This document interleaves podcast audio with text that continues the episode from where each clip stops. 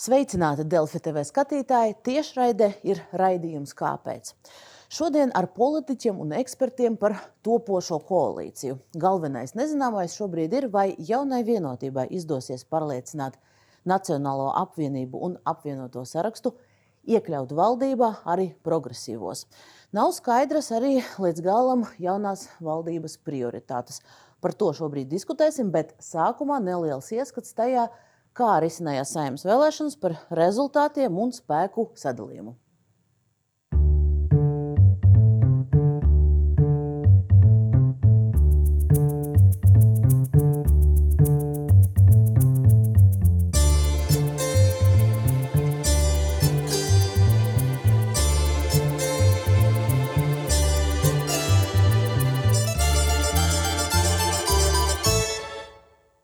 14. saimas vēlēšanas notika 1. oktobrī, un tajās nobalsoja 916,5 tūkstoši Latvijas pilsoņu, jeb mazliet vairāk nekā 59% balstiesīgo.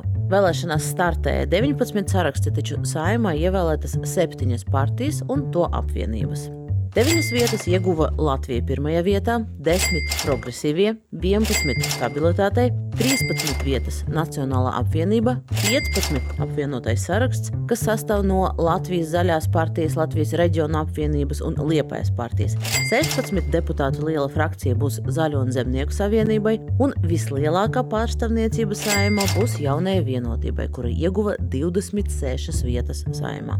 Jau 1. oktobra naktī, kad pēc iecirkņu slēgšanas mediji publicēja vēlētāju aptaujas, kļuva skaidrs, ka nākamo koalīciju veidos jaunā vienotība. Jautājums palika, kurus partnerus viņi varētu izvēlēties. Esošās koalīcijas spēki konservatīvie un attīstībai par vēlēšanās palika aiz 5% barjeras un parlamentā neiekļuva. Pret zaļzemniekiem citas partijas iebilda dēļ tās premjeramata kandidāta ASV sankcijām pakļauta Evara Lemberga. Arī stabilitāte un Latvija pirmajā vietā netiek aicināta aicināti piedalīties koalīcijas veidošanas sarunās, vismaz šobrīd.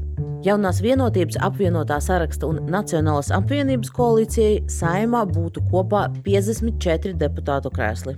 Četru partiju koalīcijai, kura piedalītos arī progresīvie, būtu 64 vietas. Sarunu vadītāja jaunā vienotība ir uzstājusi, ka koalīcijai jābūt četriem politiskiem spēkiem, turpretī apvienotais saraksts un Nacionālā apvienība pret progresīviem iebilst atsaucoties uz ideoloģiskām pretrunām.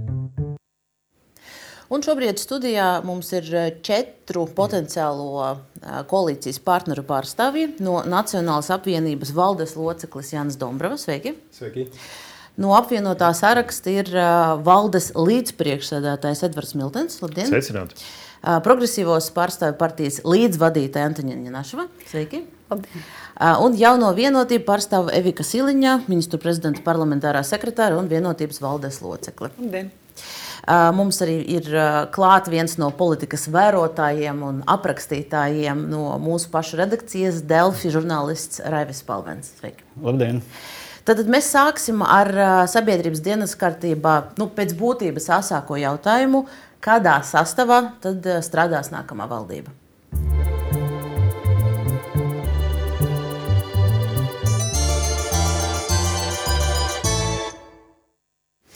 Un šobrīd uh, situācija, kas man šķiet eh, tāda ir gan žurnālistu acīm, gan arī novērotāju acīm, un tad jūs varat labot, ja, ja es kļūdos. Uh, tā sajūta ir, ka progresīvie visticamāk koalīcija neienāks. Un tad, uh, tagad visi gaida, kad vai nu jaunā vienotība padosies un vienkārši atteiksies no šīs idejas, vai nu progresīvie ar augsti, augsti paceltu galvu aizies opozīcijā, vai arī prezidents atrisinās šo situāciju. Un, kaut kā eh, piedāvās veidot valdību citam cilvēkam. Vai, vai jūs iebilstat vai, vai piekritat šādam redzējumam? Es noteikti negribētu teikt, ka tā būtu padošanās no vienotības puses. Nu, tāda interpretācija nebūtu absolūti korekta. Ir uh, diskusijas par jaunās koalīcijas izveidi, kur pastāv dažādi varianti. Uh, tā tas ir bijis daudzkārt. Un tad ir jautājums, par kuru koalīcijas modeli ir iespējams vienoties. Ne tur ir kaut kāda piekāpšanās vai kas. Vienkārši, nu, kur ir iespēja sastrādāties, tur ir iespēja sastrādāties.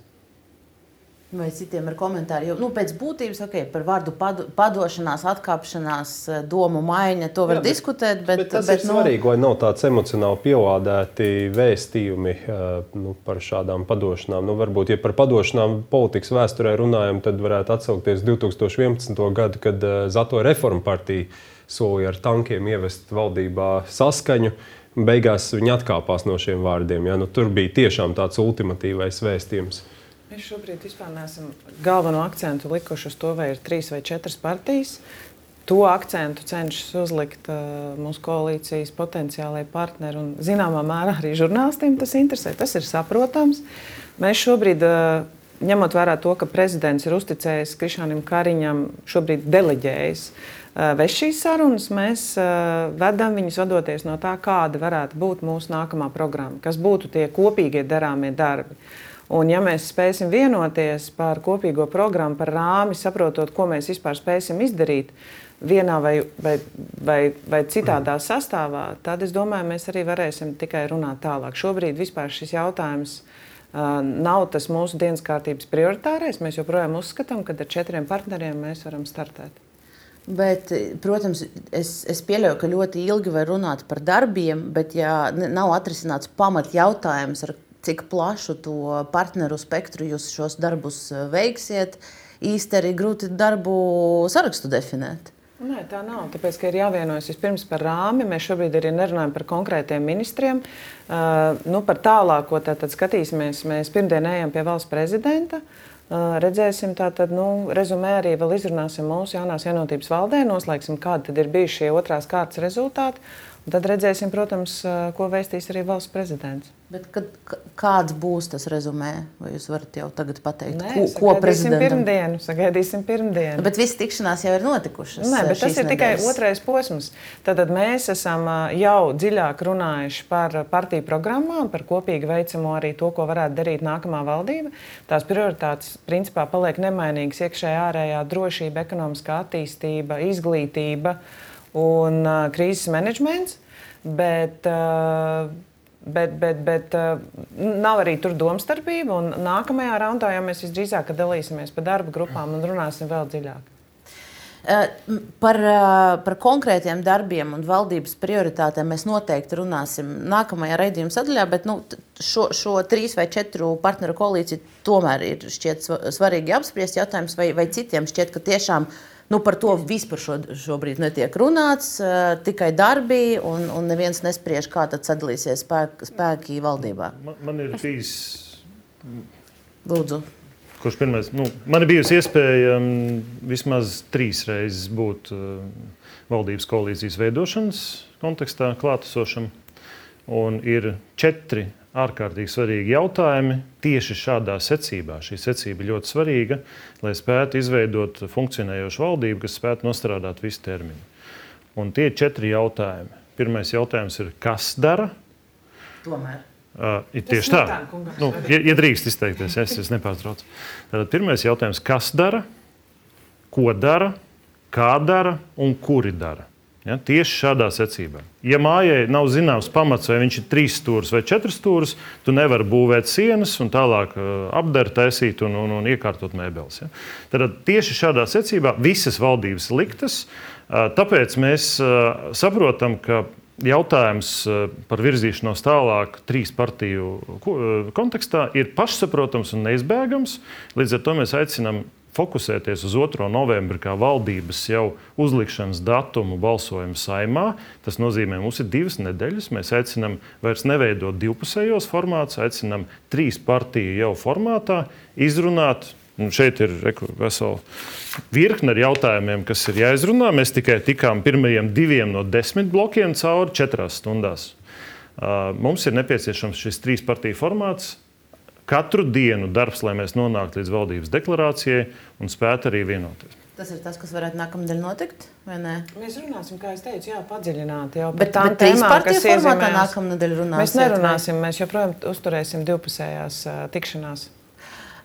Te iezīmējas neliela pretruna, jo trešdien, ja nemaldos, jaunā vienotība un apvienotais saraksts tikās. Te ir izskan dažādas versijas, ko jūs tur ar slēgtām durvīm apspriedāt. Tikai darbus, vai arī runājāt par to, nu, ok, te mums ir gaismas problēmas studijā, bet es domāju, tas mums, tas korķi, korķis izsita, tā saka, kolēģis no režijas, režijas un tad atgriezās gaisma. Tad jūs runājāt tad, tad tajā trešdienā par, par to ņemt progresīvos vai nē? Referēt, nu, no kā sastāvēja mūsu četru stundu saruna pirmo stundu, gandrīz stundu desmit, eh, Pielēna kungs prezentēja krīzes vadības sistēmu, ko mēs piedāvājam, par, par kuru mēs bijām runājuši jau pusgadu, kas ir nepieciešama. Un, paldies, vienotība arī ļoti veselīgi uztvēra mūsu piedāvājumu. Drīzāk jautājums nevis eh, vai to vajadzētu, bet kā drīzāk. Tur gribēja eh, zināt, vai atlikušās trīs stundas mēs gājām cauri, nu, ir tāds satura rādītājs ar desmit punktiem un 50 jautājumiem. Mēs tikām aptuveni vienai trešdaļai cauri, skārām ārlietu daļu, drošības daļu un ekonomikas sadaļu. Nedaudz pieskārāmies, man šķiet, ka mēs pieskārāmies tiesiskuma sadaļai. Jā. Jautājums bija par progresīviem. Vai apspriedāt viņus vai nē trešdien? Mūsuprāt, tas ir pašsaprotams jautājums. Nacionāla apvienība ir valdes lēmums, ka viņiem ir mandāts iet tikai trīs partiju koalīcijā. Līdz ar to ir skaidrs, vai nu ir uh, koalīcija bez Nacionālās apvienības, kas matemātiski neiespējami, vai arī ir trīs partiju koalīcija. Mēs aicinām vienkārši nekavēties pie šī jautājuma, jo sabiedrība sagaida konkrētas atbildes jautājumiem par elektrības cenām, par, par, par miljonus jautājumiem, kas šobrīd ir krīzes tādā kontekstā. Nu jā, daudz jau ir sarunāts. Um, es, mēs no savas puses, puses esam bijuši pie prezidenta, atsaucamies arī uz to, kā mēs piedalāmies šajās sarunās, kā viena no četrām valstiskām partijām. Un, mums bija, kā jūs zināt, jau veiksmīgas uh, vairākas sarunas ar jauno vienotību. Esam piedāvājuši arī citiem potenciāliem koalīcijas partneriem satikties divpusējās sarunās, lai runātu par to tieši, ko mēs darīsim krīzes laikā un kā mēs darīsim. Nevis uh, kas to darīs un kā dalīs amatus. Tieši lai saprastu, vismaz tajā pirmajā sarunu blokā, kas ir tās prioritātes, vai mums ir kaut kāds līdzīgs domas par krīzes pārvarēšanu modeli, vai tiešām kā mūsuprāt ir tā sociāli atbildīga krīzes pārvarēšana izskatītos. Bet ir īpaši svarīgi ir, uh, ir tiesiskuma jautājumi, ir labas pārvaldības jautājumi un, protams, ekonomiskas attīstības jautājumi. Uh, tas ir uh, Tas ir viens no galvenajiem iemesliem, kāpēc mēs arī gribētu runāt arī divpusējās sarunas, lai saprastu partneru arī domas par šiem jautājumiem. Bet uh, es tā saprotu, ka nec Nacionāla apvienība, nec apvienotais saraksts tādās oficiālās divpusējās sarunās ar jums netiekas. Nu, no apvienotā saraksta mēs esam saņēmuši oficiālu atteikumu. Nu, vakardien bija tikšanās. Neformālā. Ne, neformālā. Mēs tomēr gribētu uzturēt arī formālas tikšanās uh, procesu, lai vairāk cilvēku piedalās, lai tas ir uh, atklātāk un caurspīdīgāk. Un mēs aizsūtījām, jā, es nezinu, kā tur. Nē, esmu saņēmis.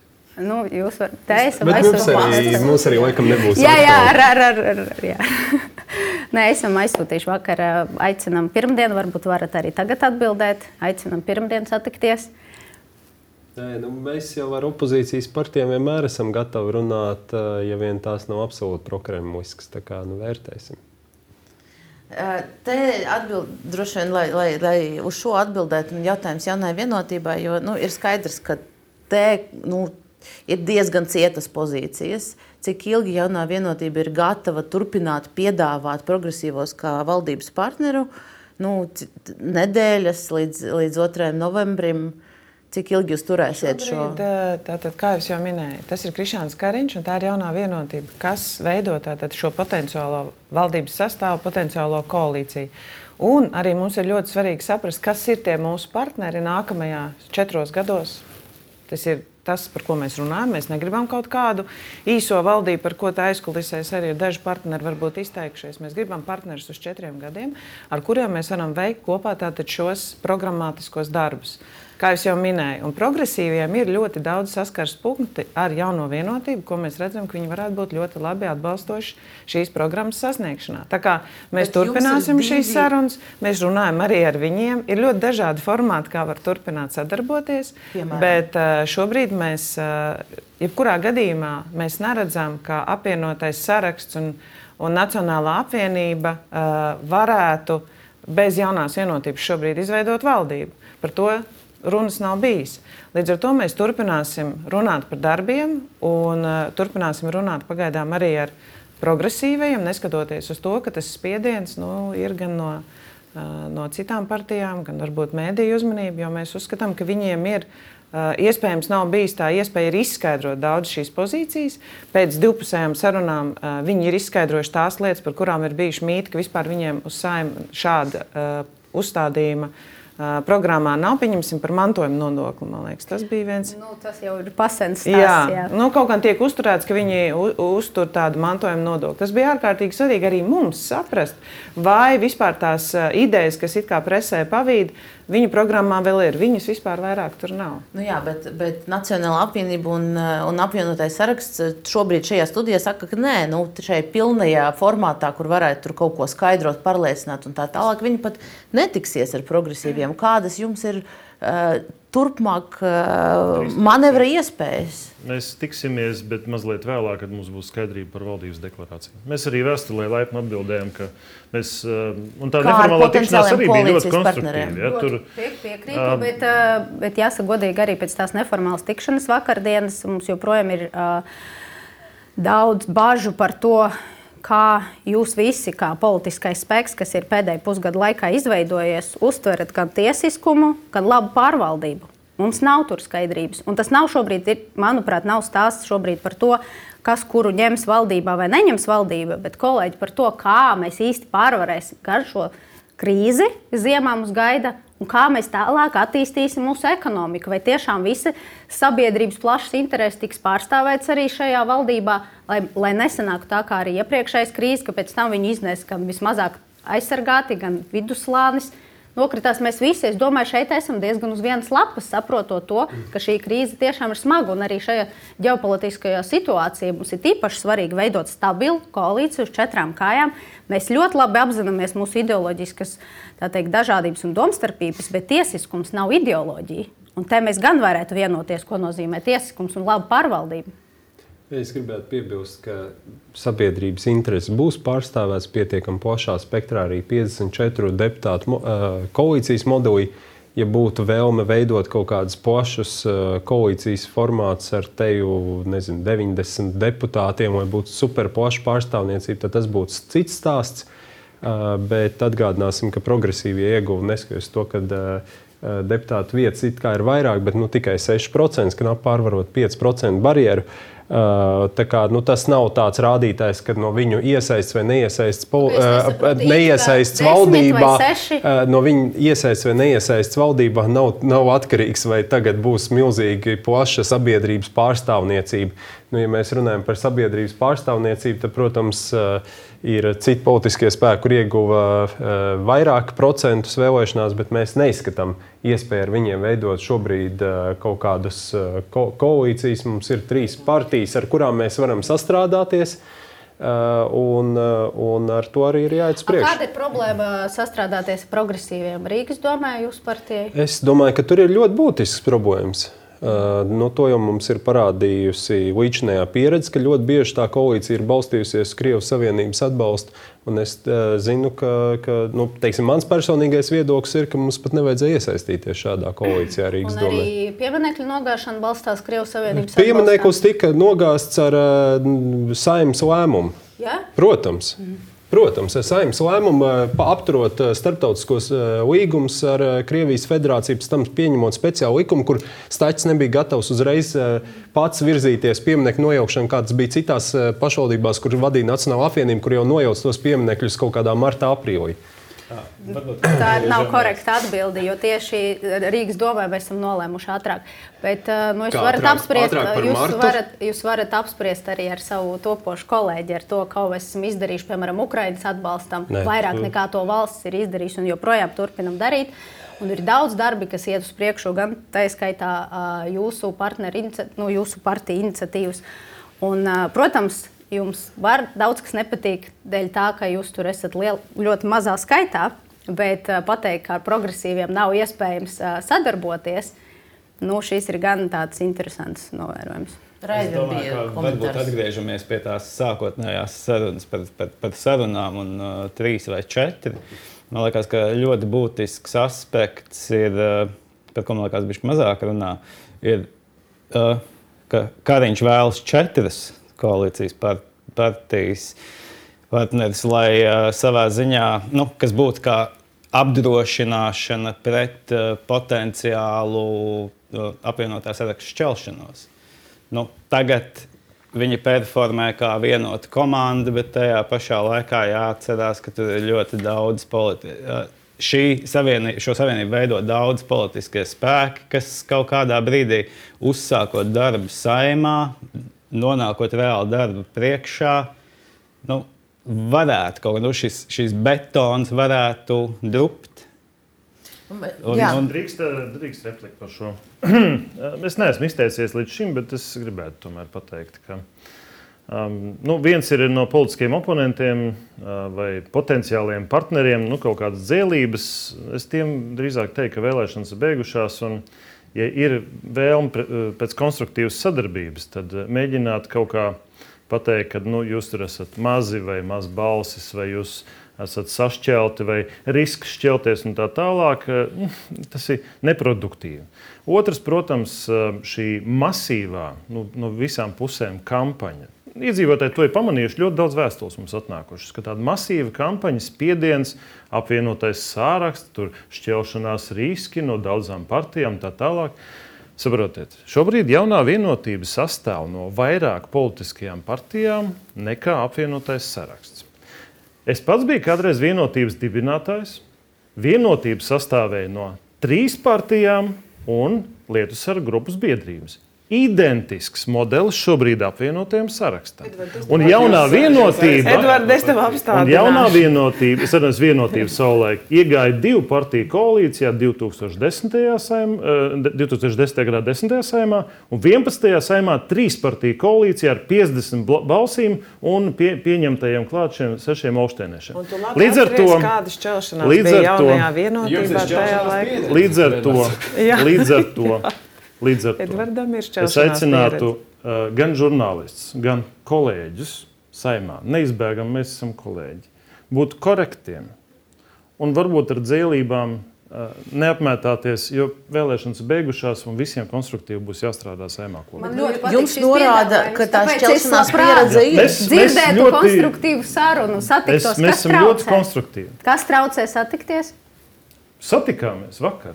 Nē, nu, kas traucēja oficiāli satikties? Normāli Satikāmies vakar, mēs arī ļoti korekti atbildējām, ka mēs šobrīd redzam par prioritāti intensificēt sarunas trīs partiju formātā, nonākt līdz valdības deklarācijai pusotras nedēļas laikā. Tas ir ārkārtīgi sarežģīts uzdevums šajā brīdī. Un 2. novembrī būt saimā ar pilnu ministru kabinetu un iegūt saimnes uzticību, lai varētu beidzot sākt strādāt. Šajā posmā visas ministrijas stāv, piedodiet, uz ledus.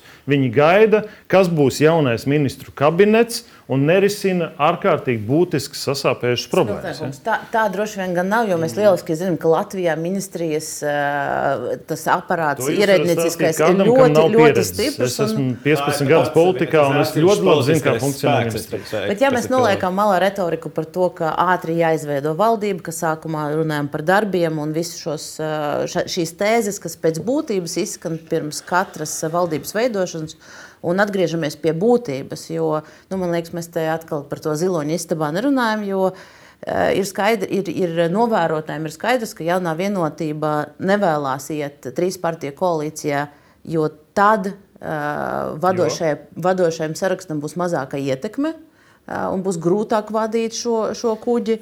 Un apvienotais saraksts un Nacionāla apvienība nevēlas pielaist progresīvos gluži tāpēc, ka tad ir jādalās ar ministrijām. Šobrīd, nu, tā, tā, tā ir tā faktiskā situācija, nu, par kuru neviens nerunā. Es aicinu neizplatīt šādus mītus.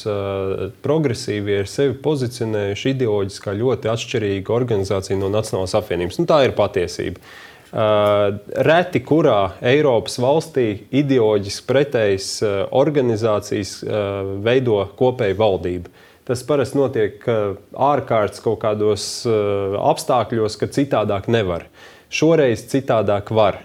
Šoreiz ir 54 uh, deputātu balsis, ar kurām var uh, noteikti izveidot valdību. Es arī neesmu nemaz tik drošs par opozīcijas teiksim, tā, stingrību, zinot, ka tur starp tiem pārstāvjiem ir gan bijušie vienotības. Deputāti, gan cilvēki, kas ir bijuši Nacionālajā apvienībā. Ar kuriem noteikti var uh, daudzos jautājumos runāt un, uh, un panākt kaut kādu valstiski uh, svarīgu pozīciju, ja tas ir nepieciešams. Es tur neesmu tik kategoriski, ka tās 54 balss ir maksimālā robeža, ko, ar kuru varētu atbalstīt vienu vai otru valdības virzīto lēmumu. Es domāju, ka tur tās balss ir krietni vairāk. Bet, Jā, nu tā problēma ir tajā, ka vienotībai būs jātiek galā ar to balsu makšķerēšanu. Tikko mums bija no ministra kabineta virzīts likums par nodokļiem un nodevām, un jūsu partijas pārstāvja budžeta komisijā pieņemsim, viņi neatbalstīja jau tagad. Tad, tātad 54 deputāti ņemot vērā to par nodokļiem un nodevām. Apskatīsies budžeta komisija, tā ir Aleksandrs Kirsteins. Neatbalstīja šo likumprojektu. Jautājums ir tajā, ka deputāti mēdz slimot. Mēs atceramies, nāk gripas laiks, nāk slimība laiks. Nu, tā ir realitāte. Nevienmēr visi cilvēki ir uz vietas. Un 54 balsis vēl, ja kādam paliek brīvdomāšana kaut kādos jautājumos, un tas ir normāli. Jo Ļoti bieži ir tā, ka kādam deputātam ir ļoti stingrs viedoklis kādā no jautājumiem.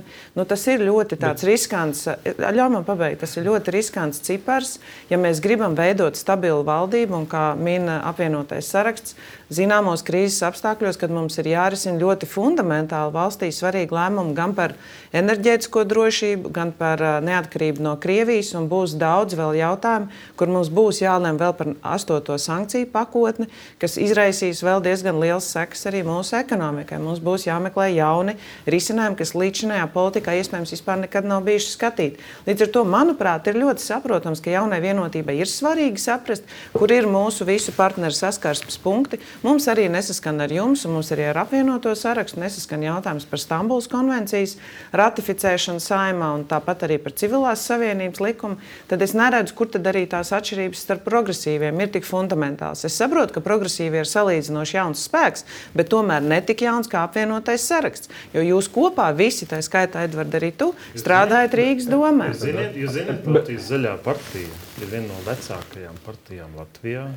Latvijas reģiona apvienība ir, nu, ir, ir ļoti jau, jau, jau ar senām tradīcijām. Es, es vienkārši mēģinu saprast, kāpēc visu laiku tiek diskutēts apvienotais sarakstā. Diezgan ilgi jau, jau gaida savu kārtu, tad, tad jūs nākamais varat izteikt. Tas nav, nu, stabilām attiecībām vajag arī nu, tādu pietāti un korektu attieksmi pret partneriem. Es, es vienkārši nesaprotu, kāpēc tas tā notiek. Jā, runājam tiešām, kolēģi. Kas man šobrīd atkal dara bažīgu? ir tieši tikko pieminētais par to, kā, nu, kā pozitīvi skatās uz kaut kādu opozīciju, citu, ko prezidents skaidri nos, nenosauc starp valstiskām partijām, par to, ka tur daudz kāds var aiziet vai var piemienoties. Un... Es atceros ar viņu vēl. Nē, nē, es saprotu, ka no esošā, nesošās opozīcijas jūs teikt, ka tur ir kaut nu, kāda. Jo tad jūs neesat kuras... opozīcijā, esat pagaidām. Jūs bet, esat pagaidām. Bet, bet jautājums, jautājums uh, Nacionālajai apvienībai, jo tas, kas man šķiet skaidri, uh, jā, protams, ideoloģiskas atšķirības te ir acīm redzamas, un, un šo noliegt nebūtu prātīgi. Bet, ja mēs skatāmies uz valdības darbu, tad, tad jūs varat nu, provizoriski pateikt, kas ir tas, kādi ir tie lēmumi likumi pieņemami, jebkas, kas nākamajai valdībai būtu jādara, kur jūs neusticaties progresīviem kā valdības partneriem. Kur, kur tur tiešām, nu, kur tur viņa ideoloģija var traucēt eh, valstiskai nostājai? Jā, nu, tā tad eh, mēs zinām, ka ir ļoti daudz eh, jautājumu saistībā ar ārējo un iekšējo drošību. Arī jautājumu saistībā ar uh, to, kas skar piekto kolonu Latvijā. Eh, par tiem ir atklāti jārunā. Tāpat arī imigrācijas jautājumi. Es paredzu, ka turpmāko četru gadu laikā Eh, Krievijā var iestāties sabrukums, un pie mūsu robežām var nonākt kāds miljons vai, vai nedaudz vairāk Krievijas pilsoņu. Un tad jums bažas, ka progresīvie gribēs viņus ielaist? Nē, nu, protams, mēs esam tajā retorikā to dzirdējuši, un tas arī bija pietiekami loģiski. Viņi pārstāv kaut vai no jūsu premjerministra kandidāta priekšrošana debatēs. Bet es arī gribēju atgriezties nu, atpakaļ nu, ja pie 2010. gada. Domāts, jūs runājat pie 2010. gada, uh, kad uh, arī bija ļoti sarežģīta situācija, bija krīze joprojām. Toreiz vienotība nesaskatīja nekādas problēmas izveidot valdību ar 55 deputātiem, tikai ar Zaļo zemnieku savienību, atstājot Nacionālo apvienību opozīcijā ar argumentu, ka uh, uh, mēs ar viņiem nevaram sadarboties, jo mēs viņus nepazīstam, jo uh, viņi iestājās par izglītību valsts valodā. un uh, viņi iestājās par uh, Latvijai nelojālu personu repatriāciju. Tie bija divi argumenti, kas toreiz bija vienotības oficiālajā paziņojumā. Toreiz nebija nekādas problēmas arī pietiekami sarežģītā uh, laika periodā izveidot, uh, laikā izveidot tādu uh, ļoti šauru, bet uh, valdību, kur bija funkcionēt spējīga. Mēs toreiz arī palikām opozīcijā. Toreiz mēs bijām tie, kas ļoti daudz valdības lēmumus atbalstīja, nekļūdos arī valsts budžetu. Mēs balsojam par, par to neskatoties to, ka mēs bijām opozīcijā. Šobrīd situācija ir kaut kur līdzīga. Ir, ir partijas, kuras var sastrādāties kopā. Nav izslēgts, ka opozīcijas partijas drīkst atbalstīt valdību. Nav jāiet gobzem variantā, ka nu, ir tāda ļoti naidīga attieksme starp pozīciju un opozīciju. Uh, ir iespēja sastrādāties un, un uh, virzīties uz priekšu ar dažādiem būtiskiem jautājumiem. Man ļoti īstenībā fascinē šis patronējošs stils sarunā, ka kā. Nu, ir partija, kas eh, leģitīmi ievēlēta uz eh, saimu vai ne ar desmit mandātiem, kas jau sev pierādījuši darbā kā lielāka frakcija darbā Rīgas doma, mēģinot uh, un joprojām turpinot teikt, visu to mantāju, mantojumu no Ušakova, uh, Šlesera, starp citu, vēl laikiem. Uh, izsmelt, un, tad, un tad mums ir, uh, piemēram, Rīgas meži, no kuriem mēs teikt, ar visiem. Uh, Tālāk, sekojošiem krimināla procesiem, mēģinam teikt, attīrīt un veikt labu pārvaldību. Un, attiecīgi, Nacionālās apvienības teikt, nozarē, kas ir Latvijas valsts meži, mierīgi var paņemt tos cilvēkus. Līdz ar to man ir lielas bažas tieši par labu pārvaldību un tiesiskumu. Un es saprotu, ka jums arī nebija problēma sastrādāties ar, piemēram, Lemberga partiju nekad. Un kas, ko Lembergs ir izdarījis valstī, mēs ļoti labi visi zinām. Un cik tas ir arī kaut kādā ziņā veicinājis mūsu atkarību no tās pašas eh, Krievijas gāzes un tā tālāk. Un tā kā man jau tāda sajūta, ka mēs kaut kādā citā pasaulē šobrīd dzīvojam, mēs neatceramies visus eh, jūsu pārējos stāstus? Nu, man liekas, ir arī tāds pietiekami izplatīts mīts. Es nezinu, kā ir bijis senākos laikos, bet tajā laika periodā, kad es esmu bijis saimnes darbā, tad vienu periodu Lembergs vispār atradās aiz, aiz cietuma restēm. Un, teiksim, tā politiskajā partijā Zaļo zemnieku savienība bija pilnīgi citi cilvēki, kuri uh, kuri nu, teiksim, tā, noteica to dienas kārtību. Tā skaitā, piemēram, Bergmaņa kungs, ja, kas bija aizsardzības ministrs vienu periodu, un nu, tur to Lemberga ietekmi es tiešām nesaskatīju. Varbūt bija, varbūt bija, bet nu, es vismaz to nemanīju ja, kaut kādā tādā sadarbības darbā. Es zinu, ka pats Aivars Lembergs vienmēr ir bijis ļoti negatīvi noskaņots pret Nacionālo apvienību. To, tas arī ir atklājis. Tāpat kā Ainārs Šoisers, kurš uh, ir uh, teicis, ka Nacionāla apvienība ir jāiznīcina, tas ir tajās nopuldušajās sarunās uh, izlasāms, var jums pārsūtīt, ja, ja ir interesi. Uh, bet uh, nu, mums ar šiem oligarhiem nekad nav bijis pa ceļam. Citu lieta ir par sadarbību ar dažādiem saimā ievēlētiem politiskiem spēkiem, kur ir ļoti atšķirīgi. Es varbūt atļaušos pa vidu jums iejaukties. Uh, redziet, nu, tā situācija ir tāda, ka jaunai vienotībai būs nu, šobrīd uzticēts mēģināt nostūrēt nākamos četrus gadus. Bet mēs bijām iepriekšējā valdībā, ļoti sarežģītā valdībā, kur bija jārisina vairāki krīzes jautājumi. Ir ārkārtīgi svarīgi, lai mums tie sadarbības partneri, lai saskarsmes punkti, lai vispār apjēga par to, kur virzās mūsu valsts, mums tomēr būtu līdzīga. Un maksimāli tās partijas, kas spēj par to vienoties, varētu strādāt un to arī panākt. Jo tad, kad mēs aizējām redzēt šādos strīdos, kas ir kas un kas esmu es un kas esi tu, tas jau nav stāsts par valsti. Tas ir stāsts par to, kas esam mēs katrs. Mums ir svarīgi, lai tomēr apsēdinātu kolēģus vairāk vai mazāk visus pie viena galda. Tāpēc mēs runājam par kopīgi darāmajiem darbiem. Kā mēs minējām, mums ir svarīgi arī valsts kapitāls uh, sabiedrību pārēju uz fondēto biržu. Par to mazliet vēlāk. Bet, nu, ir vairākas lietas, kur nav tikai ideoloģija. Bet, ja mēs redzam, ka te jūs esat strupceļā, jo nu, viņi pat nerunā savā starpā. Un, uh, ko, Kas ir tas, un es atgriezīšos pie tā jautājuma, ko es pirms brīdiņa eh, jautāju, kas ir tas, ko jūs varat šobrīd izdarīt, lai kaut kā šo situāciju atrisinātu? Jo no malas izskatās, ka jums ir nu, vai nu jūs sabloķēties ar progresīviem un uzstādat ultimātu, vai nu jūs atmetat šo ideju un, un veidojat trīspartiju valdību. Nu, te, te daudz manevru iespēju nav. Mums domāju, ir, šis, iespējas, mums ir šīs abas kur, iespējas joprojām un, atvērtas. Un cik ilgi jūs gaidīsiet?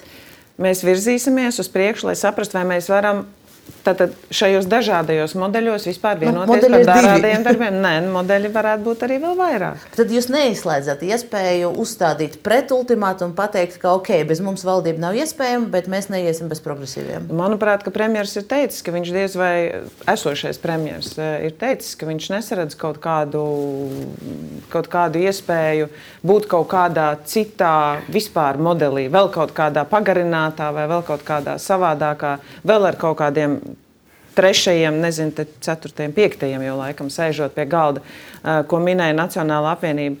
Tā kā es šobrīd neminētu kaut kādus nākotnes modeļus, kā jau minēju, mēs vēl runāsim savā valdē.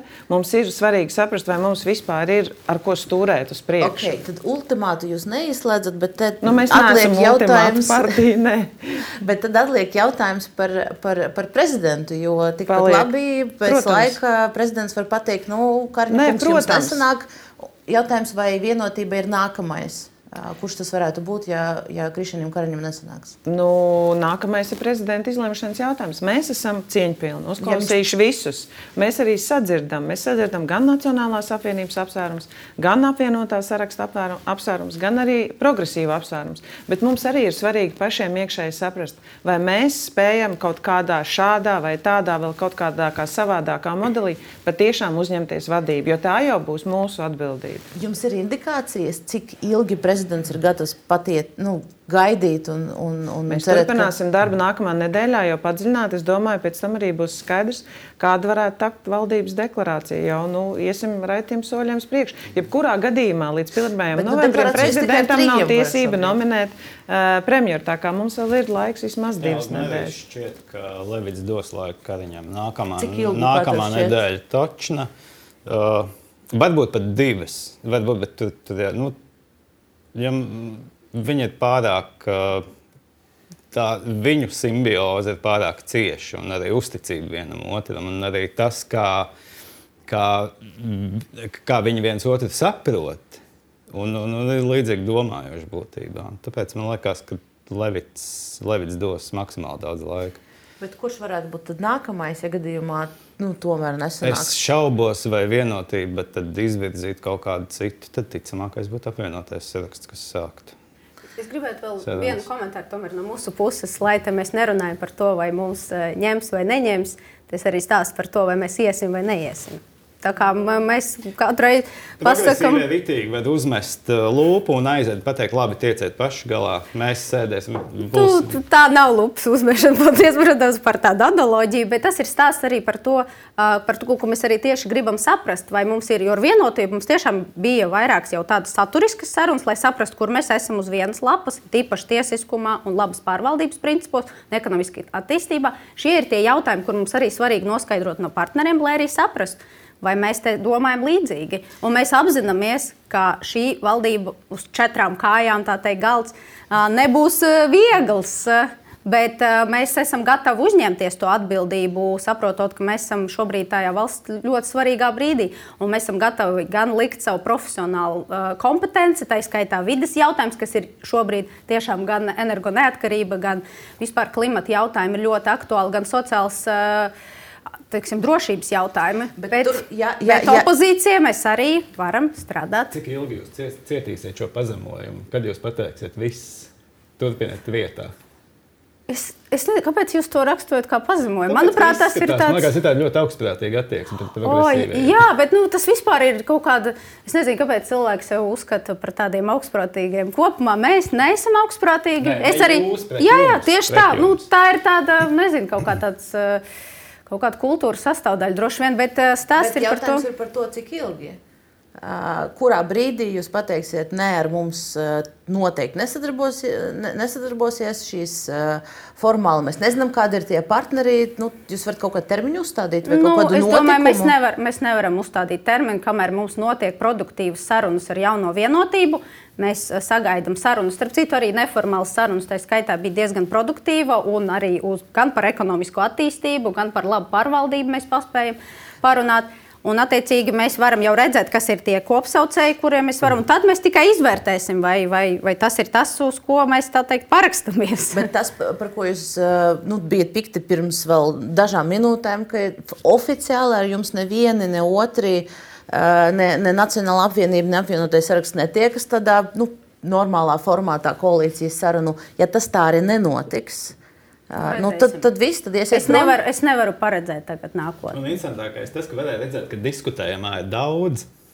Ļoti tieši daudz. Nu, ļoti tieši. Tā, tieši tā, tādā valstiski svarīgā brīdī, kur arī piekrīt pārējās partijas, es domāju, mums visiem ir ļoti svarīgi saprast, kas ir tās partijas, ar kurām mēs vispār spējam strādāt kopā. Tas ir fundamentāli svarīgi, manuprāt, mums Latvijai kā tādai. Ne tik daudz, kas esmu es un kur stāvi tu, bet svarīgi, vai mēs varam virzīties visus uz priekšu. Jo tas mums var tuvākajā laikā būt uh, fundamentāli svarīgi rīkoties ātri, jebkurā krīzes brīdī. Nu, okay. Tad, tad tik tālu par, par to sastāvu. Mazliet parunāsim arī par darbiem, bet es gribētu atzīmēt, un varbūt palabojiet mani, ja es kļūdos, tad arī progresīviem tā retorika ir mainījusies. Jo pirmās divas nedēļas jūs bijat ļoti samiernieciski. Sprūda kungs pat pie kolēģiem ir atzinies, ka ir gatavi pat aizsardzības ministriju atdot un, un neuzņemties. Uh, Bija bijis, var, mēs varam, mēs varam nospēlēt. Jā, jā, jā, jā, bija tā. Kaut kas tāds notika. Nu, un, un visējādi nekritizēja nevienu no partneriem. Un vakar vakarā Briškina kunga intervijas letēji, un tur ir kritika gan Nacionālajai apvienībai, gan apvienotajam sarakstam. Izskatās, ka jūs tiešām nu, gatavojat to platformu, lai, lai opozīcija ieietu ar tādu uh, nu, skaļu paziņojumu? Es neteikšu, ka mēs kaut kādas platformas gatavojam. Te ir drīzāk stāsts par to, kā nu, kaut kādu laiku tu skaties, klausies, ko saka citi partneri publiski. Piemēram, pasaka to, ka vēl jāpaskatās, kas tie tādi progresīvie, neskatoties to, ka divus gadus kopā nostrādājam. Un nu, tad tu domā, ok, labi Tad, eh, attiecīgi, kas ir tās mūsu bažas? Mēs arī apspriedam savā starpā, gan jaunievēlētā frakcijā, gan jūs zināt, mums ir ēnu kabinets, kas joprojām darbojas, kur visiem ir atteicies. Ap, Viens jau no tā ēnu kabineta ir atteicies. Nē, nu, mēs nerunājam par amatiem, kolēģiem. Mēs tiešām runājam par to, ko, uh, uz, kādam, uz kādiem pamatiem mēs varētu sastrādāties. Un mēs dzirdam arī to, ko saka prezidents. Un mēs saprotam, ka ir vadošais šobrīd partneris, kas veido šīs sarunas, mēs atsaucamies uz šīm sarunām. Protams, retorika mums var mainīties arī kaut kādā ziņā rēģējot uz tām sarunām, kas jau ir bijušas. Nu, mēs, jā, mēs mēģinām pa, pacelties pāri visiem tiem sīkumiem un saprast to elementāro situāciju, kurā mēs atrodamies. Ir iespējama koalīcija ar 54 balsīm, un ir iespējams bloks ar 36 balsīm. Tas šobrīd ir tā realitāte. Tad uzlikt reālu valdību šodien var ar 50. Nu, es domāju, progresīvie un jaunā vienotība skaidrs, nu, ka tur ir izveidojies zināms bloks tajā pusē.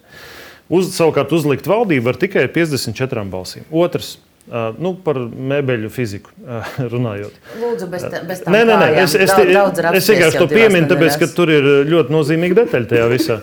Um, nu, tas, piemērs, um, tas piemērs par to, ka Uh, tas piemērs par to, ka ja, ir gan viennozīmīga detaļa. Uh, tā tad uh, tika pie, pieminēts piemērs, ka vienu kāju vienmēr var nozāģēt. Uh, krīzes. Tas bija piecas, kad bija piecas. Nu, bija arī pie četrām. Nē, tas teiciens. Tad man grūti iedomāties, vai mēs būtu gatavi Šlēsēru, Roslikovu vai, vai Tad, tur vispār mēs neskatāmies tajā virzienā. Par iepriekšējo valdību un savu um, pieredzi. Tā tad pabeidzot, pabeidzot, pabeidzot ZZS arī tā skaitā, pabeidzot to domu. Mūsuprāt, krīzes valdībai ir jāstrādā pēc konsensus principa, ievērojot arī zināmu paritāti visos jautājumos. Un, ja rodas scenāriji, ka, un jau bāzē tiek iebetonēts stāsts, ka tiek pieļauts jau kaut kādas kājas, tātad koalīcijas partneru zaģēt nost, mūsuprāt, krīzē tas nav pieļaujams. Ir jābūt eksaktai vienošanai par to, kas ir darāmie darbi šajās, šajā krīzes periodā, un stabilai valdībai 54 balsīs, kas to īsteno. Es atvainojos, ka krīzē nevar pieiet tikai eksakti. Nevar nekādīgi. Tur ir ļoti daudz citu aspektu. Nu, ziniet, man šķiet, ka šajā brīdī Es saprotu, ja ir tuvi, tuvi spēki, jā, kas ir spējīgi vienoties savā spēks, starpā jā, par kopīgu darbību. Tad ir šajā lokā arī tas jāizsaka. Ļoti, ļoti šaubas skatījums uz lietām, uz krīzi un uz problēmām. Tā, tā vien, viena lieta, ko mēs te ļoti maz pieskaramies diskusijā, bet tā ir būtiska politikā, tā ir tāda uzticība. Nu, piemēram, ar Aināru Šoiseru man nav nekāda uzticība. Jā, viņš bija termiņu uzturēšanās atļauju programmu veidotājs. Nē, es, es, es, gribu, es gribu pateikt, kā piemēru, jā, un arī piemēram, pirms iebrukuma Ukrainā viņš aizstāvēja Krievijas pozīciju karā. Nu, man arī ar Ņinaševas kundzi, nu, man Piedošana varbūt ir viss mainījies ar laiku, varbūt tas eh, tiešām tā uzticība atjaunosies, bet tad, kad bija saskaņas jaunatnes organizācijā, es atceros, kā tajā laikā jaunatnes organizācija teica, ka jāstājās ārā no NATO un Krievija sargās mūsu drošību. Nu, es to atceros eh, tajās diskusijās, kas Jūs mums bija. Turpināt to pašu priekšvēlēšanu retoriku. Nē, bet tā ir svarīga es... lieta, ka nevar nē, nē, tā pagaidiet. uzticība atjaunot nē, uzreiz. Es, es, es, es nē, bet jūs sakat, ne, ne, bet es jūs sakat nepatiesus faktus, es nevaru nepārtraukt. Nu, bet Man tas apnika jau priekšvēlēšanu laikā. Atkārtošu vēlreiz mm. tiem, kas grib klausīties. Es vadīju jauniešu organizāciju nosaukumu Patriota LV, kas nebija saskaņas jauniešu organizācija. Un jūs tajā laikā mm. piedalījāties mūsu organizētajā projektā, kas ir Jauniešu Rīgas doma. Kur arī izskanēja šis uh, komentārs to, no saskaņas jauniešiem par to, ka uh, būtu jāizstājas ārā no NATO. Uh, un arī aizsardzības budžets nav vajadzīgs. Visa tā tas, drošība nodrošinās Krieviju. Tas, tas bija toreiz tieši tajā diskusijā, uz ko jūs no atsaucaties. Man, no manis, man ir ļoti labi. No manis vai tas izskanēja? Tas bija no saskaņas jauniešiem. Nu, es tiešām nevaru uzreiz noticēt, arī skatoties, piemēram, nulles, pilsonību nepilsoņiem. Nu, principā, domāju, tā, tāda lieta, ko Krievijas grūti izklausās, ka jaunai vienotībai, nu, ja jūs tiešām uzstājat uz mēģinājumu četratā, tad jums būs ļoti grūti grūti. Ja runā par uzticību, kā mums uzticēties Tavarkungam, un, uh, kurš tikko vēl bija Lemberga partijā, tad, nu, tad, tad mēs varam runāt arī tieši par nu, šādu aspektu. Un jums arī jāsaprot, ka mums, protams, ir zināmais tāds nu, riska moments, ka jā, apvienotais saraksts ir apvienojies nesen. Viņš nav vēl nevienu valdību kopā izturējis. Protams, jums arī kā stabilam, jau mums zināmus gadus partnerim, tas būtu jāsaprot. Riski pastāv vienmēr, taču, kā jau teicu, valstiski skatoties šo, mums ir ļoti daudz, šobrīd vismaz ir definējums kopīgas intereses, kopīgi programmatiski uzstādījumi, kādā veidā mēs varam turpināt uh, būt neatkarīgi no Krievijas, veidot enerģētisko neatkarību, turpināt Correct. ekonomisko izaugsmi un es, veidot arī sadarbību. Es, es tiešām aicinātu, es, es tiešām aicinātu fokusēties būtiskāko, tikpat tik labi varam turpināt aizskart arī un pateikt, ka bija Zatlera partijas biedri, kas vilka saskaņu ar tankiem valdībām tā tālāk. Es aicinu šo izbeigt, novelkam svītru. Novelkam šeit svītru. Es varu piekrīt par svītru, tikai ka man, man liekas, ka svarīgs ir, ko prezidents ir pateicis. Un es to, tomēr gribu, man, man ir tāda sajūta, ka Nacionāla apvienība tomēr neusticās arī prezidentam. Cits cilvēks pusvārdā. Jūs esat speciāli trenēti tam. Kur? Es, es tiešām uzsaku jūsu, jūsu talants. es domāju, ka es aicinu pavilkt svītru un konstruktīvi virzīties tālāk, jo mums ir Labi. divas nedēļas palikušas līdz 2. novembrim. Jums, jums ir talanti netikt pārtrauktam, tas gan ir apsveicami. Bet, bet uh, jūs. Uh, daudz mēģinājāt novirzīties arī uz darāmiem darbiem, un ir skaidrs, ka šobrīd nu, mēs neatrisināsim uh, Dombrovas kungu un Jāšavas uh, kundzes uh, vēsturisko atmiņu domstarpības. Mēģināsim, Man prezidents atrisināja, pateicot, ka ir četras valstis. Mēģināsim, partijas, mēģināsim tagad skaidrs. mazliet atlikušajā redzījuma laikā parunāt par, par darāmiem darbiem nākamajai valdībai.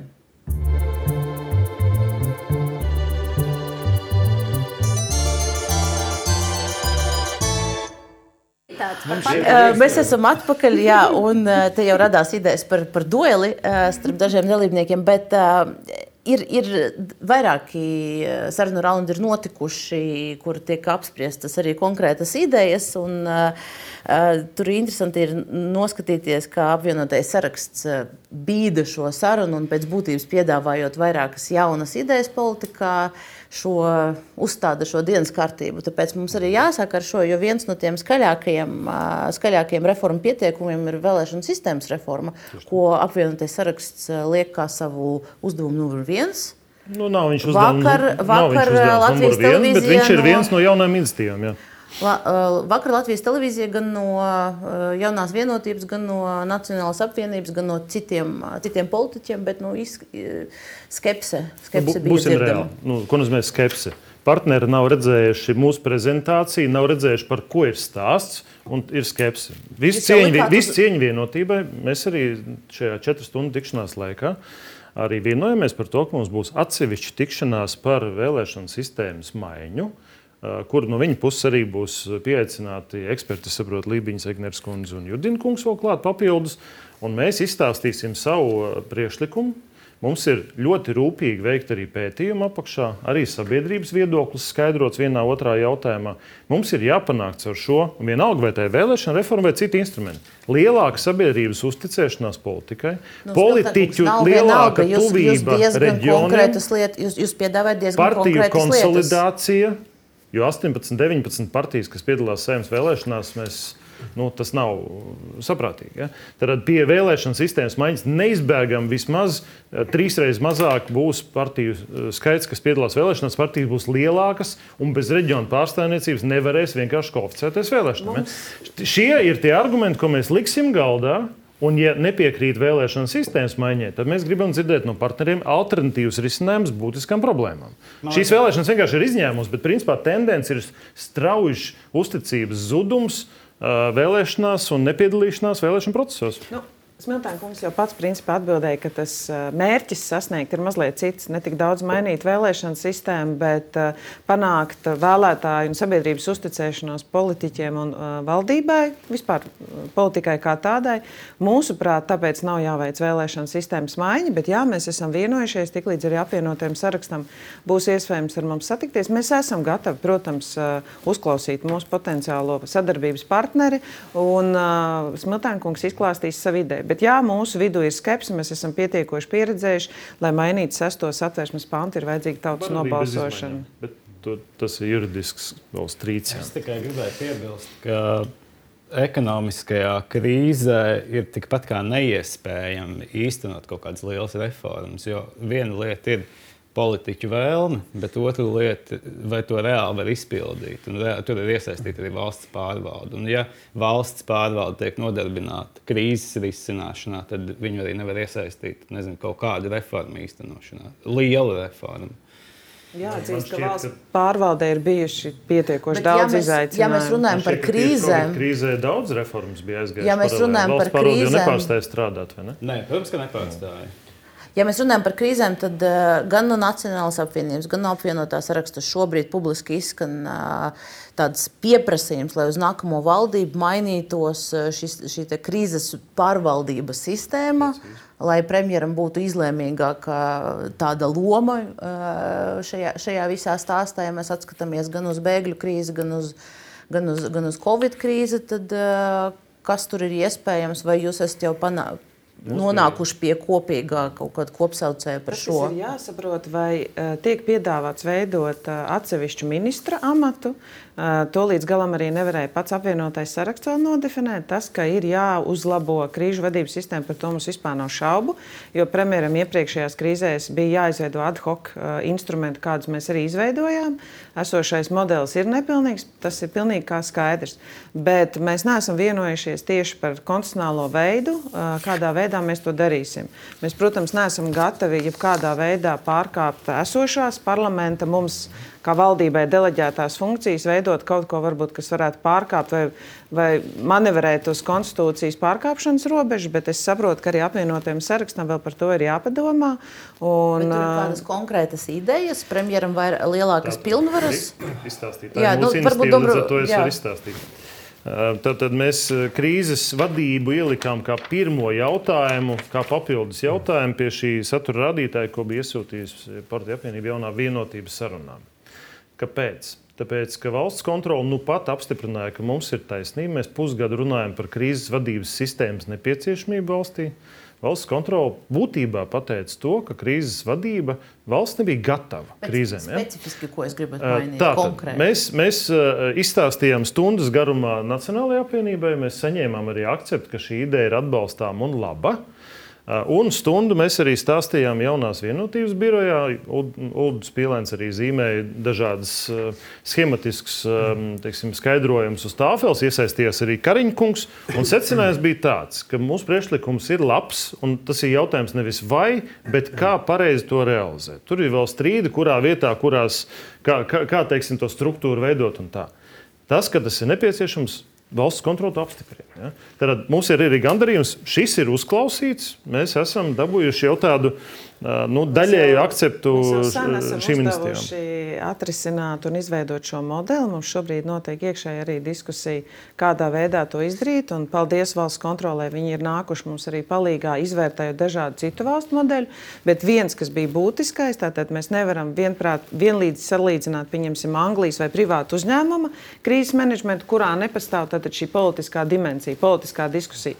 Tas bija arī tas, ko apgalvoja valsts kontrole, ka tas ir ir ārkārtīgi būtisks elements tādās valdībās un tādos, eh, tādās valstīs kā Latvija, kur turpretī monolīti, nu, tādās valstīs, kur nav tik daudz koalīciju partiju, tur ir daudz vienkāršāk arī piemērot šo krīzes elementu. Tā kā mums tas ir jāņem vērā, mums par to ir vēl jāpadomā. Tāpēc mēs visdrīzāk vēl par to izrunāsim, bet tas ir skaidrs, ka visdrīzāk pie valsts kancelējas, bet nu, tas ir jāsaprot, vai apvienotais saraksts grib atsevišķu ministru, varētu tikt izveidot šis krīzes vadības centrs. Tas, kas man rūp un man, man ir svarīgi saprast, vai uh, mēs esam spējīgi arī nozara ministrijās atbildīgos cilvēkus ielikt, jo tikai viens uh, krīzes vadības centrs to nevar izdarīt. Viņiem ir vajadzīgi attiecīgi cilvēki, kas saprot, kas notiek nozarē, lai arī varētu pieslēgties gan krīzē, gan arī nekrīzes laikā, veidojot kādu analītisko materiālu.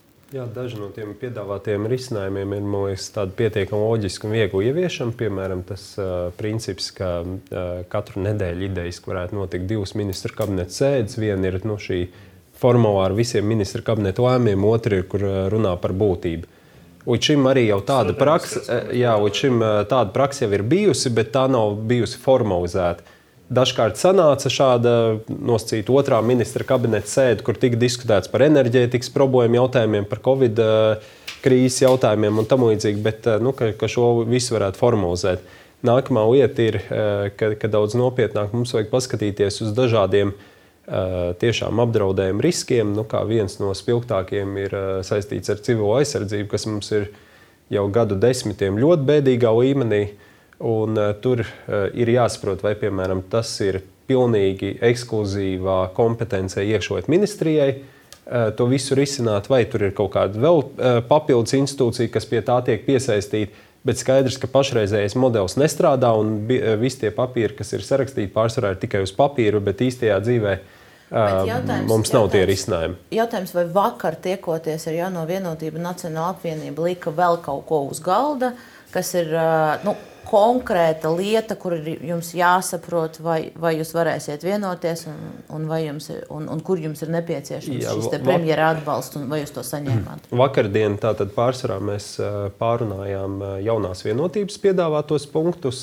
Mūsu, no savas puses. Prasības. Mēs bijām arī aiznesuši garu sarakstu, bet mēs pie visiem tiem punktiem nepaspējām pieskarties, jo tas saraksts bija tiešām apjomīgs.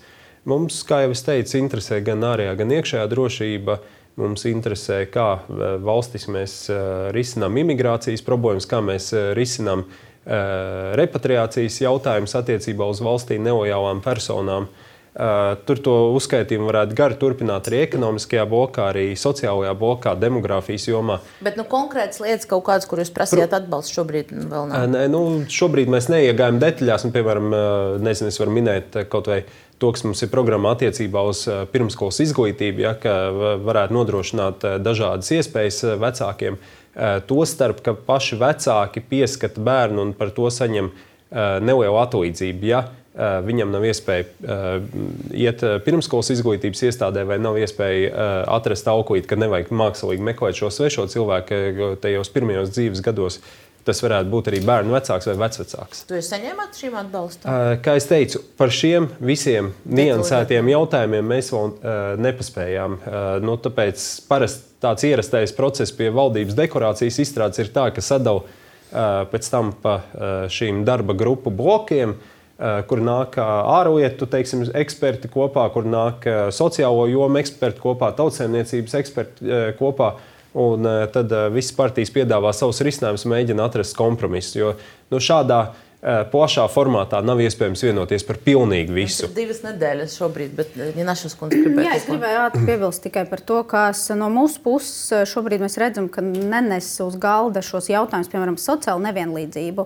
Un to, ko mēs skaidri redzam šobrīd ar piemēram, Latvijas rezultātiem vēlēšanu, ka sociāla nevienlīdzība ir arī drošības jautājums. Un gribētos, lai mēs arī tur vairāk pieskartos. Bet... Es gan, man, gan, man gan pirms, pirms dot jums vārdu, man jāatvadās šobrīd no RTV skatītājiem, jo esam arī lineārajā televīzijā. Tur mums ir iedalīta precīza stunda, tāpēc paldies RTV skatītājiem un Delfi studijā. Mēs turpinam, lūdzu. Man uh, vienkārši par krīzi minot, mēs nevienojāmies par divām ministra kabineta sēdēm, jo mums uh, atšķīrās ar apvienoto sarakstu viedoklis vispār par to, kas ir krīze. Mums radās priekšstats par to, ka apvienotais saraksts varbūt nedaudz uh, tādas ikdienišķas valdības problēmas definē kā krīzi. Jo krīze ir tad, pieņemsim, nu, ja mums pārtrūkst elektrība, viņi mums neatjaunotos. Bet tas, ka ir augsta cena, nu, es to nenosauktu par krīzi. Tas ir valdības jautājums, kas viņai jārisina. Tā kā, nu, tur es pieļauju, ka mums vēl būs padziļināti jā, jāpadiskutē. Ja mēs runājam par cenām, viens no lielajiem jautājumiem, ar ko būs jāturpina nākamajai valdībai, ir uh, sašķidrinātas dabasgāzes termināls uh, skultas, vai valsts. Jā, un, vai, vai, vai, vai, un kāda, kādas tad ir tur pozīcija šajā jautājumā katrai no tām partijām, kas, kas sarunās bija? Ja, nu, vēl, vēl nekāds tāds vienots risinājums nav, bet skaidrs, ka tur tam risinājumam būs jābūt. Bet mēs... Kāda ir jūsu pozīcija? Uz ko jūs uzstāsiet? Ko jūs sagaidat? Nē, nu skaidrs, ka mums ir jāparūpēs par mūsu energodrošību. Vakardien arī uh, Tā tad izskanējuša informācija, ka Igaunijai ar Paudisku terminālu tā viss process nevedās. Tur viņi bija uzticējuši privātiem šo, pro, šo projektu realizēt. Beigās Somija ir paņēmusi šo projektu savā pusē īstenot. Un mums arī ir nu, pietiekami realistiski jāsaprot vistuvākajā laikā, kas notiks ar šo potenciālo gāzes terminālu, vai uh, privāti investori to, to varēs uh, izveidot, uz kādiem nosacījumiem. Uh, valdībai tie lēmumi tuvākajā laikā būs tāpatās jāpieņem. Bet vakar Karņa kungs ir izteicies, ka viņš neizslēdz iespēju valstī pār, pārņemt šī termināla būvniecību. Jūs tad atbalstat šo? Ja? Nu, ziniet, es, es nedalu varbūt visas partijas pozīciju šajā jautājumā, bet es vienmēr esmu uzskatījis, ka visi strateģiskie objekti, kas valstī ir, tiem ir jābūt valstī piedarošiem, nevis privātajiem. Nu, piemēram, hidroelektrostacijas. Ja? Nu, skaidrs, ka tām ir jābūt valstī piedarošām, nevis privātajam kapitālam. No tā ir atkarīga ļoti lielā mērā ne tikai energodrošība, bet arī fiziskā drošība. Mums bija vienošanās, ka, ja to, ja to būvē privātais investors, tad nekādas īpašas papildus garantijas mēs visdrīzāk nevaram sniegt tad drīzāk mēs izvērtēsim iespēju, varbūt tur ir, es nesaukšu, varbūt uzņēmums, kas ir spējīgs no valsts puses to izdarīt. Nu, Latvijas energo tas būtu. Nē, ne? negluži. bet es negribu pārkāpt kaut kādu procedūru, varbūt es pat varu minēt, bet es vienkārši, lai būtu korekti, neminēšu. Ir iespējas, bet mums ir vispirms jāpabeidz viens process saistībā ar gāzi. Un, ja tas pabeigsies, mums ir svarīgi sadalīt šos riskus. Tā kā Reku jau uh, paldiskos, diemžēl, nav tik labi tā situācija. Es domāju, tas bija ļoti vietas lēmums uh, pieņemt šādu iespēju būvēt šeit Latvijā sašķidrinātās gāzes terminālu, jo tas mums iedotu potenciāli arī nākotnes tādā griezumā. Mēs spētu konkurēt arī ar pārējām Baltijas valstīm un iespējams arī apgādāt Somiju. Nu, apvienotais saraksts jau divas, ļoti apmierinās droši vien ar šo, jo tas, divas, ko es, ko jā, es gribēju. Divas lietas saistībā par, par, par enerģētiku un terminālu. Pirmkārt, apvienotajiem sarakstiem ir dzelzceļa princips - pilnīga neatkarība no Krievijas energoresursiem. Ja? Tas ir ļoti svarīgi šobrīd Latvijai. Un tas arī ļoti svarīgi kontekstā ar mūsu pozīciju Ukraiņas kara jautājumā. Uh, otrs - konkurētspējīgas enerģijas cenas, kas nosaka mūsu vispār tautsēmniecības konkurētspēju arī vēl viens dzelzceļš svarīgs pie, pie, pie termināla, tas jautājums par to, ko valdība šis, tālāk darīs. Šis jautājums arī. jāskata abos, uh, abos griezumos. Tātad mūsu jautājums, faktiski, ko mēs mēģinājām noskaidrot, un man ir aizdoms, ka nu, mēs ieguvām pozitīvu atbildi. Vai tas, ka no šī vienādojuma jaunā konservatīvā partija iziet pilnībā laukā, tad nav vairs ne saimā, ne valdībā, vai mainās rezultāts saistībā ar terminālu? Izskatās, ka jā, un mūs tas arī gandarīja. Jo iepriekšējā kontekstā izskatījās, ka tur ir vienkārši projektu menedžmenta komanda, kas saliek IVN, tātad ietekmes vidi novērtējumu nav jātaisa, bija speciāls regulējums, tā tad nav nepieciešams arī šis ekonomiskais pamatojums, ir kaut kādas garantijas no valsts. Ja? Nē, tā nebija. Tas bija no valsts, nebija garantijas. Nē, bet nu, es neļaušu nu, runāt muļķības. Nu, jo es ļoti labi zinu, ko mēs valdībā pieņēmām. Tu, diemžēl, es... to nezini un vadies no kaut kāda sava jūs... aspekta. Nekādas garantijas no valsts, nekādas, ne, bet es neļaušu runāt muļķības par valdībā pieņemtiem lēmumiem. Nekādas garantijas no valsts netika privātam uzņēmumam uzlikts. Tā kā nevajag lūdzu izplatīt šeit mītus. Es domāju, jūsu attieksme ļoti nekorekta bija šobrīd. Tā tad vēlreiz. Mūsu princips ir tāds, ka, ja šāds projekts tiek likts augšā, tad tur nevajag pa vidu kaut kādus starpniekus, kas šo sagatavo un pēc tam pārdod investoram. Tad vai nu to dara privāts investors, bet bez valsts atbalsta, jo tās ir durvis uz Inčkalnu. Tieši tā mēs uztveram šādu terminālu. Vai arī to dara Koneksus sarunu gaitā ar abiem potenciālajiem koalīcijas partneriem.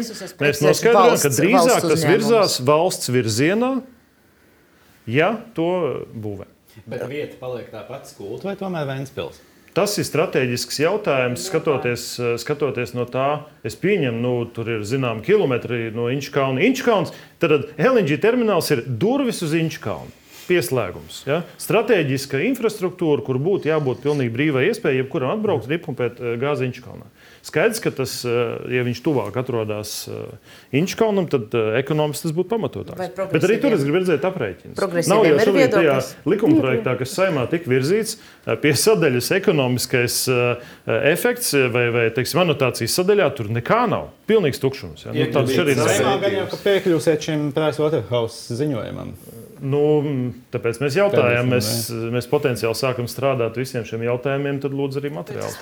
Vai progresīviem ir viedoklis par šo? Jā, uh, nu, tāds. Es teikšu, vienkārši balstīts uz pamatprincipiem. Drīzāk nevis mēs arī mēģinājām piekļūt datiem kādu laiku, mm, vēl nebūdam šobrīd ievēlēt saimā. Nu, šīs, tur bija sarežģījumi piekļūt pie datiem, protams, no ārpus parlamenta opozīcijas. Bet, uh, Šobrīd, kas ir svarīgi no progresīvo puses, ir tiešām caurspīdīgums daudziem procesiem, vides aspekti, ko mēs vairāk kārt esam uzsvēruši vienmēr, ir, tur jāsamēro gan to energo neatkarību, gan arī vidas aspekts, jo no tā ir at, atkarīga arī mūsu visu ilgspējīga nākotne. Jums ir bažas par caurspīdīgumu? Uh, ne, tāpēc, ka mums vēl nav tās informācijas. Tiklīdz uh, būs vairāk informācijas, mēs varēsim. Bet tas, kas ir svarīgi par principu no progresīviem, mēs esam uh, par uh, energo neatkarību. Uh, runājuši un skaidri arī definējuši, ka tieši ja neatkarība no Krievijas gāzes ir viena no svarīgākajām jau kādus trīs gadus un vairākus. Un tas ir stāsts par to, kur ir tie mūsu neizpildīti maisa darbi, kur mēs esam nonākuši, un arī par iepriekšēju valdību darbiem.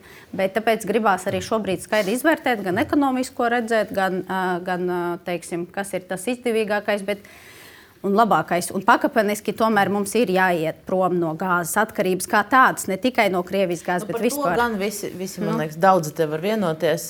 Dobrovs kungs. Jums pats dzīvoju dažus kilometrus attālumā no to iespējamā uh, gāzes termināla. Skaidrs, ka tie vidas uh, aspekti ir ļoti būtiski. Un, uh, tieši tāpēc man arī liekas, ka tā nav slikta ideja, ka valsts varētu aktīvi iesaistīties projektā, tādējādi nodrošinot gan šī uh, objekta nu, vides teiksim, kvalitātes. Lūk, jums, jums sakrīt, sakrīt nē, nē, nu, bet tas man liekas, jebkuram loģiski domājušam cilvēkam. Nu, es domāju, pat Smiltēna kungam, kas dzīvo apmēram 10 km attālumā no topošā uh, termināla, arī ne, nebūs. Uh, Šis kaut kā personiski interesē. Nē, nē bet, bet, bet skaidrs, ka es, es apzinos, ka varbūt kādam liekas, ka tur skats bojāsies vai kā, bet tas ir valstī tiešām ļoti būtiski, ka mēs varam pāraut šo atkarību no Krievijas, un tam ir, manuprāt, jābūt tam numur viens jautājumam. Tāpat kā par elektrodrošību, ja mēs runājam, jā, arī tur dažādi projekti, kas tuvāko gadu laikā tiks realizēti, kādam, kas kaimiņos dzīvo, varētu nepatikt. Jā. Bet mums ir tiešām strateģiski svarīgi, lai mēs šo atkarību no Krievijas pārautu. To neviens neapšauba jau, jau, jau kā, sen. Bet... Nu, nu, būsim reāli. Nu, ir, ir, arī, ir arī organizācijas, kuras saņem tāpat naudu no Gazprom un tam līdzīgi, kas arī dažādas šīs iniciatīvas visā Eiropā ir bremzējušas. Ja? Nu, to arī ir svarīgi runāt. Ja? Un, Un arī Latvijā mēs redzam šādas iniciatīvas, ka, ka tiek bremzēts arī no dažādām organizācijām, kuras tiek finansētas no ārpuses. Un, ja valsts iesaistās, tad finansējuma avots ir defi budžeta, deficīts vai, vai kas? Es šobrīd domāju, ka mēs neesam tik tālu vēl tikuši šajā projekta izpētē. Tas ir tikai vēl, kā es teicu, ir viens cits projekts, kas ir jāpabeidz, lai varētu runāt par šo tālāk. Bet tas ir viennozīmīgi skaidrs, ka mums vajag šo risku sadalījumu alternatīviem enerģijas iegūšanas avotiem pārskatot šo LNG projektu, tad varētu arī termiņš pagarināt, būtu ilgāks. Šobrīd kad... 24. gads, nē, vai ne? Jā, 24. jā, vai tas varētu es būt? Es nemācēšu to šobrīd spriest, vai tas kaut ko mainītu. Es domāju, ka tas ir pāragri, bet mums ir ārkārtīgi svarīgi, lai tas ir salīdzinoši ātri, jo tas bija galvenais arī uzdevums, kāpēc tika noteikts īpaši nacionālo interešu objektu status un daudz citi apstākļi, kas veicinātu šī projekta un būvniecības ātrāku nu, paiešanas priekšu. Vēl viena lieta, kur mums sakrit ar Nacionālo apvienību un visiem pārējiem viedokļiem, mums vajadzētu debirokratizāciju veikt daudzos būvniecības objektos. Nu, protams, bet nu, šobrīd, manuprāt, visiem ir skaidrs, ka tik, ņemot vērā visas arī būvniecības tirdzniecības procesus un, uh, un cenas, ir mums kaut kas jādara, jo katrs mēnesis izmaksā stipri dārgāk. Atgriežoties īsi pie, pie, pie sašķidrinātas gāzes termināla būvniecības un iespējams valsts iesaistes, varbūt Smiltankungam ir uh, nu, konkrēts piedāvājums, no kur tad ņemt tos līdzekļus valstī, ja valsts iesaistīsies? Nu, pirmkārt, jāizvērtē esošais. Okay. Uh, nu, projekta mm, uzbūves mehānisms, ja, kas ir paredzēts. Un ir tikai divas variācijas. Vai nu tas ir privātais, vai tas, vai tas ir būtībā koneksus, kas būvē. Ja. Tad vai tie ir kapitāla sabiedrības līdzekļi vai, vai nē. Um, Otrakārt, tam jābūt būt balstītam arī kaut kādā nu, ekonomiskajā aprēķinā par to, ka tas ir izdarīts okay, šobrīd. Labi. Es sapratu, konk konkrēti Kāda? Ka Nexusā ir privātais investors. Bet, nu, un tas gatavs ir pilnībā es šobrīd neko vairāk nevaru okay. vienkārši pateikt. Tā, tā, tā varbūt skumīgā ziņa, ka tas nerisina šīs ziemas jautājumu. Tas neietekmē pozitīvā ziņā šīs, šīs ziemas nu, par nākotnī. Kurā gadījumā šai valdībai ir jārunā, bet uh, noslēdzot šo sarunu, es gribēju uh, par, par tuvāko nākotni, par uh, pirmo saimas sēdi runāt, jo Uh, pat ja koalīcija vēl nebūs izveidota un nebūs sadalīti amati, uzrakstīta deklarācija, tad, tad uh, būs jebkurā gadījumā jāvienojas par saimas priekšsēdētāju amatu un visticamāk arī par komisiju vadītājiem. Nu, tad, uh, vai, vai šī vienošanās būs iespējama, vai šobrīd jau jūs runājat, kurš varētu vadīt saimas sēdes? Es vismaz, pateikšu, kur... Mēs esam tālu tikuši, nu, vismaz apvienotiem sarakstam. Mēs esam apzinājuši mūsu deputātu uh, kompetences un vēlmes, kurās komisijās viņi gribētu strādāt. Es šobrīd mēģinu vēl salikt matemātiku, cik arī katrai partijai ir uh, konkrētie pārstāvji attiecīgajās komisijās. Uh, un tas ir pirmais solis, kas mums apt, aptuveni būtu skaidrs. Tālākās sarunas jau ir starp uh, politiskajām partijām, lai saprastu, kā, kādā veidā mēs šīs komisijas nokomplektējam. Jā.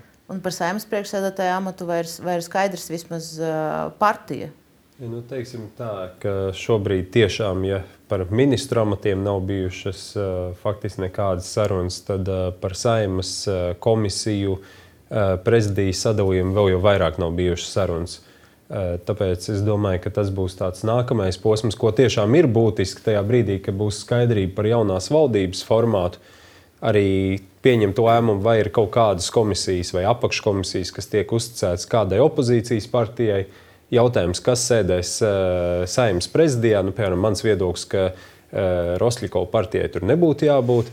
Ja, neskatoties to, ka viņiem teorētiski ir vairāk mandātu nekā uh, progresīviem, bet tad labāk vai progresīvie tur ir nekā, nekā Rosļikovs. Nu, vismaz viens labs iznākums no šīs sarunas. Labi, kas ir Šlesers? Šosers jau mazāk iegūs nekā jūs eh, deputāta mandāts. Tā kā, nu, parasti, tā, tas vai ir. Gribētu, vai, vai Nacionāla apvienība gribētu saglabāt saimnes priekšsēdētāju amatu? Nē, nu, mēs uh, izskatām visus variantus, arī attiecībā uz saimnes komisijām. Nu, tas ir nu, nu, tiešām ierastais formāts, ka visas partijas uh, tomēr mēģina vienoties par šo kopējo komisijas vadītāju, saimnes prezidija sastāvu. Bet iekšējās sarunās, ja jūs saglabājat, tad šīs jums jau ir kandidāts uz šo amatu jautājums vai apvienotajam sarakstam.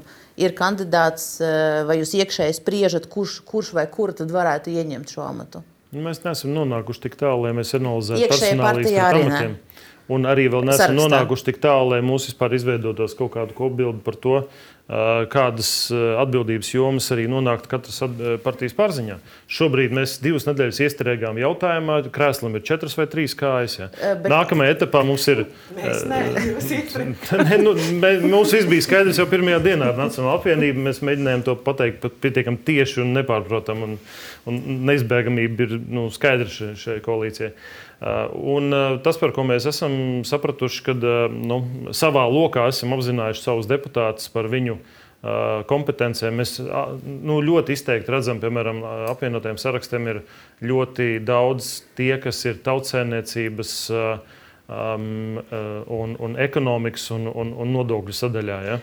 Pastāv, nu, vismaz 9 no 15 ir, ir, ir redzami, kas, kas, kas fokusējas uz to virzienu. Aizsardzība, otrs bloks un pašvaldība cilvēki trešais. Vai pastāv iespēja, ka uz, uz, uz 2. novembrī nebūs šīs vienošanās, un tad parlaments īsti nevarēs tā pilnvērtīgi sākt strādāt. Es domāju, ka divas nedēļas ir pietiekami ilgs laiks, lai arī savstarpēji mēs redzētu, kur katrai partijai ir lielākas kompetences, kur būs lielāks pienesums arī darbam parlamentā. Un, okay, un tad būs, uh, Raivi, vai tev ir kāds rezumējošā piezīme? Ja nē, tad man ir viens īsts. Man īsti nē, man katrā ziņā šī bija ļoti interesanta diskusija.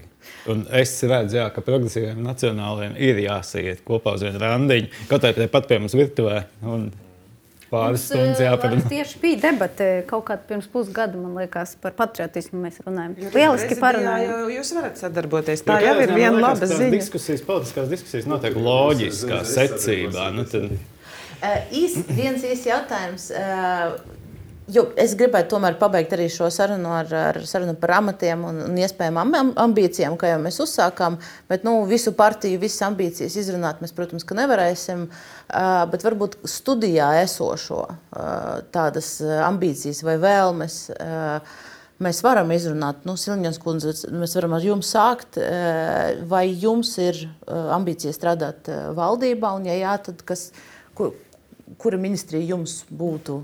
Mēs, pa sirdī. Mēs neesam runājuši. Bet mūsu... jūsu personīgā ambīcija ir?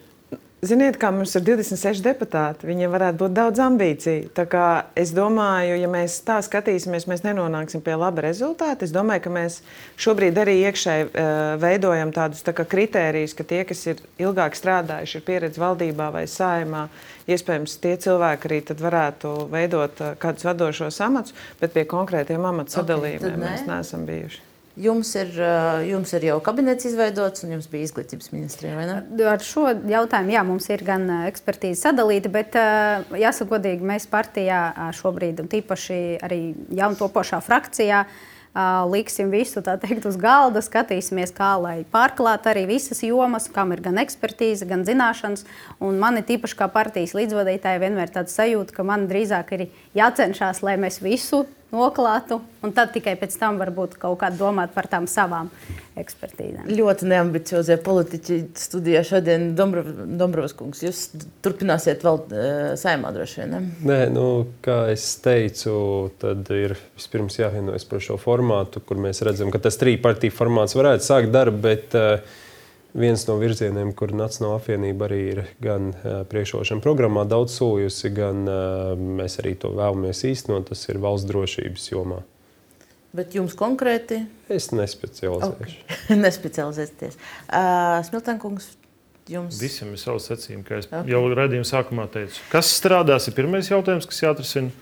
Ko darīs? Ir otrais jautājums, kā to izdarīs. Trešais, un kuri darīs? Jau ir pats pēdējais izrietošs no atbildēm uz pirmajiem trim bet jautājumiem. Tas, kas un kuri, man liekas, ir līdzīgs. Bet, nu, labi. Nē, kas ir domāts par politiskiem spēkiem un kuri domāts ir par personāliem? Jautājums, vai jums varētu būt vēlme arī uz saimnes priekšsēdētāju amatu kandidēt? Mums ir skaidra vienošanās, ka mēs pirmkārt vērtēsim tos nu, sabiedrības atbalstu, kas šobrīd ir apvienotiem Bet jūs par sevi varat iegūts. pateikt? Un otrs faktors ir kompetences. Un ņemot vērā to, ka mēs visi uztveram politiku kā savā ziņā dienestu valsts labā, tur, kur būs eh, konsensus un vienošanās uh, frakcijas ietvaros un, un politisko partiju apvienības okay. apvienotais saraksts ietvaros, tur arī mēs deleģēsim savus pārstāvjus. Neatbildēsiet. Labi, labi, tad ar to arī pabeigsim. Uh, paldies visiem klātesošiem. Es piekrītu Raivim, man šķiet, ka ļoti interesanta diskusija šodien ir uzsākusies uh, un, un visticamāk arī turpināsies. Uh, Skatītājiem atgādināšu, ka esam skatāmi RTV kanālā, esam klausāmi audio formātā arī podkastu platformās Apple un Spotify. Un ēteru, Delfi TV ēteru pirmdien turpinās raidījums Sprieda ar Delfi, bet mēs ar jums tiksimies pēc nedēļas. Paldies vēlreiz visiem viesiem, paldies skatītājiem un tiekamies pēc nedēļas. Paldies!